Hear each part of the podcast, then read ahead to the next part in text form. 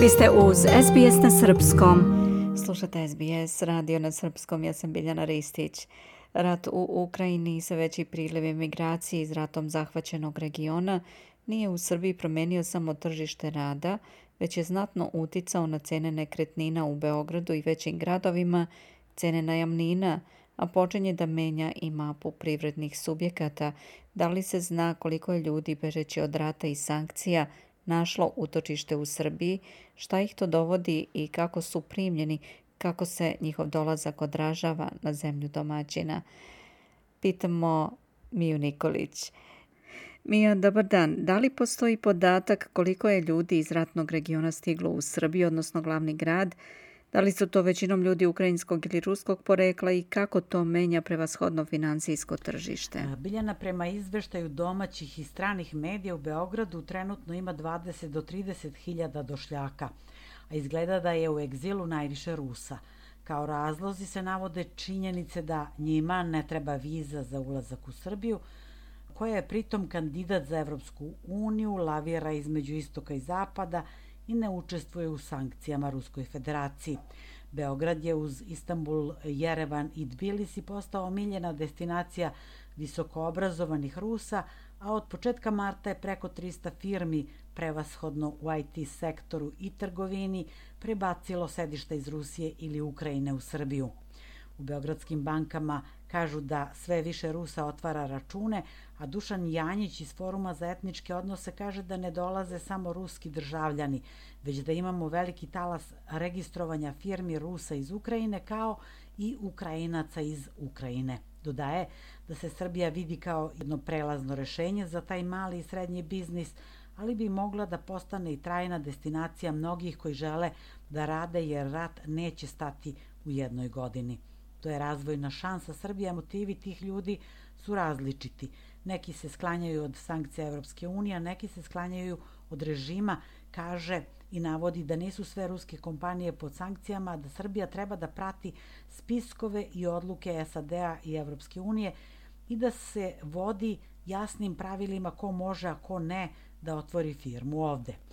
Ekonomski novinar Mijat Lakićević pak ocenjuje da je to na izgled dobra vest, strana ulaganja, nova radna mesta, ali je izrazio sumnju da bi Srbija dugoročno i u širem kontekstu od svega mogla da ima više štete nego koristi. Zašto? Čime to obrazlaže? Smatra da naša zemlja iz te svoje politike koja nije osudila rusku agresiju izvlači ekonomsku korist, ali da to sigurno udaljava Srbiju od Evropske unije zato što na ovaj način Rusija preko Srbije izbegava sankcije, a mi smo zbog neusklađenosti spoljne politike sa Unijom već na lošem glasu na zapadu.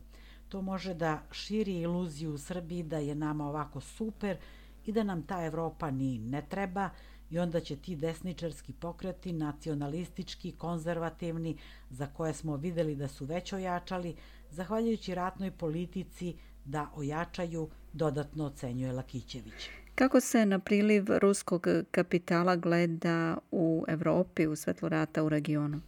Nemački Frankfurter Rundschau se bavi i drugim aspektima ovih e, migracija i piše da došljaci u rusofilnoj Srbiji ne nailaze na predrasude za razliku od onih koji odlaze u zapadnoevropski egzil.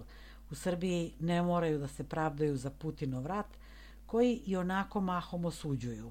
Umesto toga, muči ih sasvim drugi fenomen.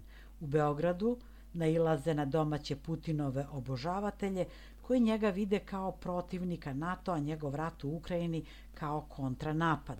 Ovo glasilo piše da novopečeni ruski beograđani u svojim Facebook i Twitter grupama ipak manje pričaju o ratu, a više o praktičnim stvarima, kako otvoriti konto u banci, koji su dobri restorani, gde poslati decu u školu. Navodi izjavu muzičara iz Sankt Peterburga da ne zna koliko će biti u egzilu, da život ide dalje nekako, ali da se sigurno neće vraćati u matušku dok je Putin na vlasti. Prenosi razgovor sa Sašom Sereginom, rodom iz Samare, koja živi u Beogradu duže od 10 godina. Ona je jedna od pokretača inicijative Rusi, Ukrajinci, Belorusi i Srbi zajedno protiv rata i tvrdi da bi doseljeni Rusi mogli da budu zgoditak za Srbiju kao oni koji su dolazili posle oktobarske revolucije 917.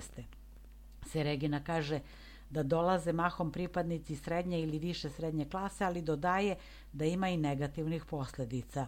U Beogradu je veli postalo još teže da se nađe stan po pristojnoj ceni. Da, kako se to odražava na cene nekretnina i kirija?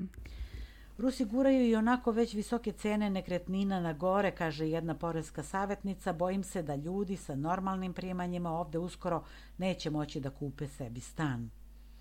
Blitz Business piše da su Rusi i Ukrajinci okupirali Beograd i Novi Sad, da ih je sve više, kupuju stanove, vikendice i ne pitaju za cenu, što izaziva novi porast vrednosti nekretnina i direktan je udar na džep naših građana.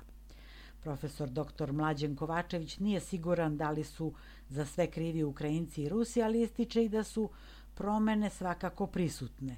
Smatra da to nije veliki procena stanovnika, reč je pre svega onima koji imaju devizna sredstva, koji ne znaju šta će se dešavati sa rubljom, pa svoj novac gledaju da ulože u nešto što je za njih korisno. Ako je tačno da kupuju stanove u Srbiji, to će za rezultat imati povećanu tražnju nekretnina kod nas. Pitanje je, međutim, veli on da li će se broj stanovnika iz Rusije i Ukrajine vremenom povećati u našoj zemlji, da li će oni ostati ovde za stalno, da li će pronaći stalni posao. Tu je i značajan deo onih čije su firme preseljene u Srbiju, neki od njih će ostati i takvi kupuju stanove. Misli da postoji mogućnost da će to za njih biti kao što su za nas vikendice, da u njih povremeno dođu. Dodaje da će u našu zemlju verovatno doći isključivo bogati Rusi i Ukrajinci, ali smatra da iza skoka cena nekretnina možda stoje i naši ljudi koji žure da ulože novac jer ne znaju šta će se dešavati tokom rusko-ukrajinskog rata, pa ne bi da drže pare u sefu zbog mogućeg pada vrednosti valute koju imaju. Agent za nekretnine Katarina Lazarević pak kaže da naša zemlja nije privlačna kao lokacija za preseljenje i kupovinu nekretnina Rusa i Ukrajinaca, a navodi da bi stranac morao prvo da dobije beli karton, da ga vlasnik prijavi, što nije uopšte jednostavna procedura i što je još komplikovanije za otvaranje firme. Ona smatra da jedan broj ljudi iz Rusije i Ukrajine možda dolazi, kupuje stanove, ali ne misli da je reč o masovnoj pojavi. A Mija, šta agenti za nekretnine kažu, kako oni ocenjuju povećanje cena nekretnina? Da li je to isključivo zbog novonastale potražnje stranaca ili ima drugih aspekata? Biznis Telegraf piše da po oceni stručnjaka rast cena domaćih i ne samo domaćih nekretnina će zavisiti od brzine rešavanja rata u Ukrajini. Agent Miloš Mitić podsjeća da je pitanje rasta cena kvadrata postavljano i pre Ukrajinsko-Ruskog rata, a inflatorni efekti su postojali kao posledica pandemije. Novonastala ratna kriza može samo da produbi problem, ističe on, jer usled inflacije ljudi svoj kapital sklanjaju u nekretnine koje su i dalje jedan od najsigurnijih načina za čuvanje i uvećanje imovine i štednje.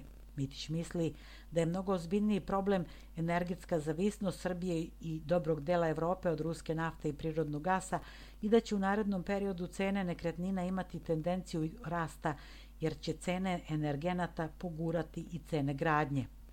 On navodi da Rusi koji dolaze u njegovu agenciju uglavnom traže stanove za zakup u elitnim delovima Beograda i Novog Sada, u tom segmentu postoji veliko uvećanje tražnje jer je sve više evropskih kompanija koje su radile u Rusiji pa se alocirale e, kod nas i preselile svoje zaposlene. Radi se o ljudima veće platežne moći, uglavnom iz IT industrije traže se e, pretežno stanovi u cenovnom rangu iznad 500 evra, kaže Miloš Mitić. Inače, Biljana cene stanova u Beogradu za poslednje tri godine skočile su i do 40% u pojedinim delovima glavnog grada i nešto su više u odnosu na druge velike gradove u regionu. Toliko za danas. Hvala Mija. Bila je to naša saradnica iz Srbije, Mija Nikolić. Slušate program na srpskom, ja sam Biljana Ristić. Želite da čujete još priča poput ove? Slušajte nas na Apple Podcast, Google Podcast, Spotify ili odakle god slušate podcast.